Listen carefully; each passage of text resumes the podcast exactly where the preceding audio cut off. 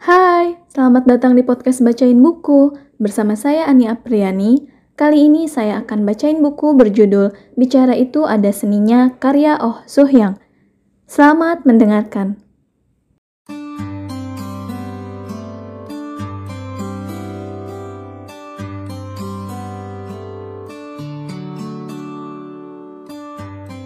Matematika yang membuat mengantuk. Saya bingung melihat murid-murid saya tidak bisa fokus ke pelajaran. Bagaimana caranya supaya tenggorokan tidak serak sehingga saya bisa mengajar dalam waktu lama?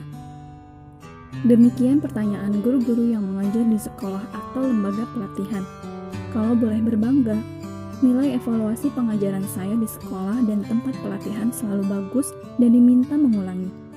Mungkin itu sebabnya guru-guru lain menaruh harapan besar dan berkonsultasi banyak hal kepada saya.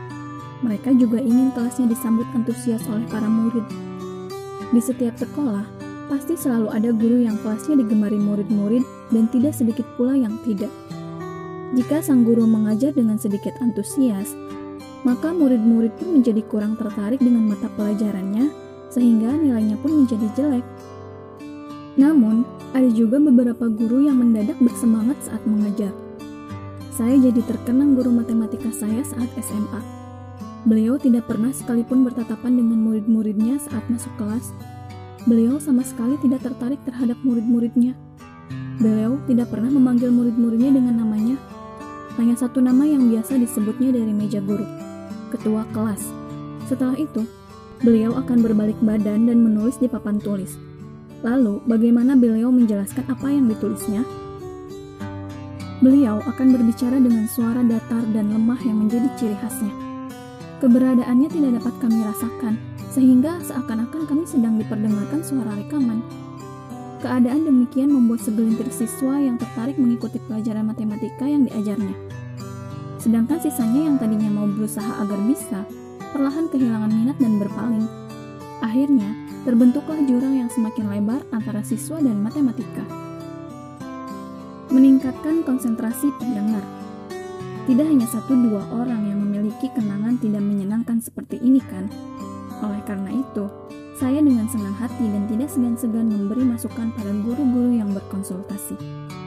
Selain persiapan mengajar, banyak juga guru yang telah disibukkan oleh pekerjaan administrasi dan bimbingan konseling siswa. Namun, mereka menunjukkan keinginan kuat untuk berubah dan berharap kelasnya bisa disukai dan lebih dekat dengan para siswa. Dari obrolan dengan para guru ini, saya menyimpulkan ada tiga keterampilan yang diperlukan dalam berbicara. Tip ini akan digunakan pada saat mengajar dan presentasi di berbagai bidang, yaitu satu, menggunakan suara yang tidak menidurkan pendengar. Suara yang bisa menidurkan pendengar adalah suara yang tidak berenergi, datar, dan monoton. Selain itu, suara tersebut juga tidak mengandung emosi sama sekali. Siapa pun yang mendengar suara seperti ini, kelopak matanya pasti akan turun hanya dalam 10 menit. Diperlukan kekuatan, ritme, dan intonasi suara yang tepat agar sorot mata para siswa selalu menyala. Memberikan dinamika suara pada saat biasa dan menekankan sesuatu agar meningkatkan ketertarikan pendengar. Perubahan juga bisa diberikan dengan cepat atau lambatnya ucapan. Intonasi suara juga perlu disesuaikan dengan konten yang ingin disampaikan gunakan intonasi berat dan muram saat mengatakan kedaulatan negara dirampas oleh Jepang. Serta intonasi ceria dan ringan saat mengatakan kemerdekaan berhasil direbut kembali pada 1945. Kehusukan pendengar pasti akan jauh lebih tinggi. Bagaimana agar bisa mengeluarkan suara yang dinamis seperti ini? Caranya dengan membaca buku sambil berlakon seperti aktor. Pilihlah dongeng pendek dan hidupkan tokoh di dalamnya dengan deklamasi sambil menggerakkan tangan, kaki, dan ekspresi wajah. Berlatihlah mengeluarkan suara dengan beragam emosi seperti sedih, senang, atau marah.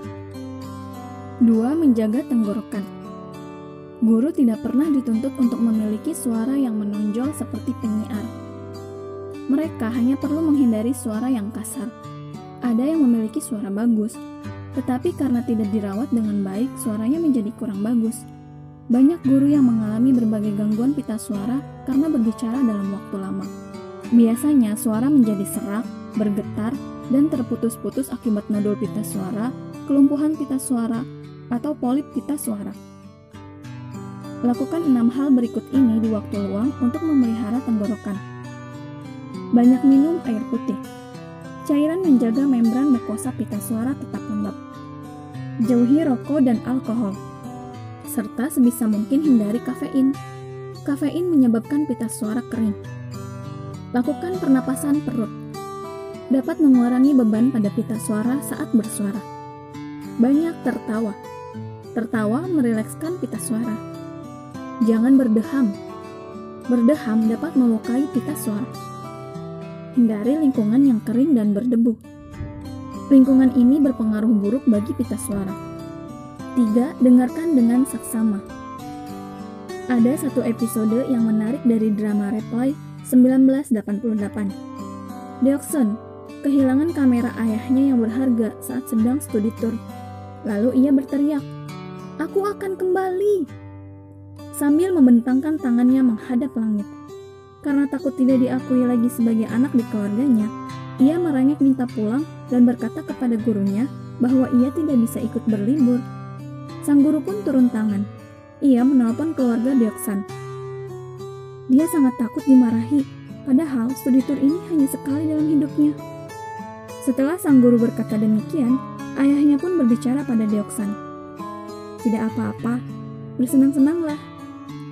Sedemikian pentingnya sikap mendengarkan dari seorang guru terhadap ucapan muridnya. Apabila wali kelas Deoksan tidak mendengarkan keluhannya, mungkin ia akan dicap sebagai siswa yang membangkang. Namun, kepedulian sang wali kelas membuat Deoksan kembali bersemangat dan bisa menikmati acara studi dengan riang. Mendengarkan bagi seorang guru memiliki efek yang sama dengan peringatan dan perintah yang tegas. Sikap mendengarkan keluhan dan kegelisahan lawan bicara akan mendekatkan pembicara dan pendengar dalam waktu singkat.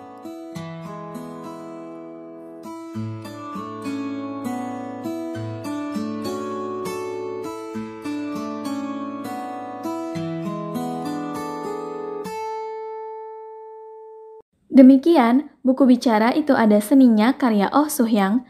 Untuk lebih detailnya, silahkan teman-teman beli bukunya di toko buku kesayangan kamu. Terima kasih telah mendengarkan podcast Bacain Buku. Nantikan episode selanjutnya. Sampai jumpa.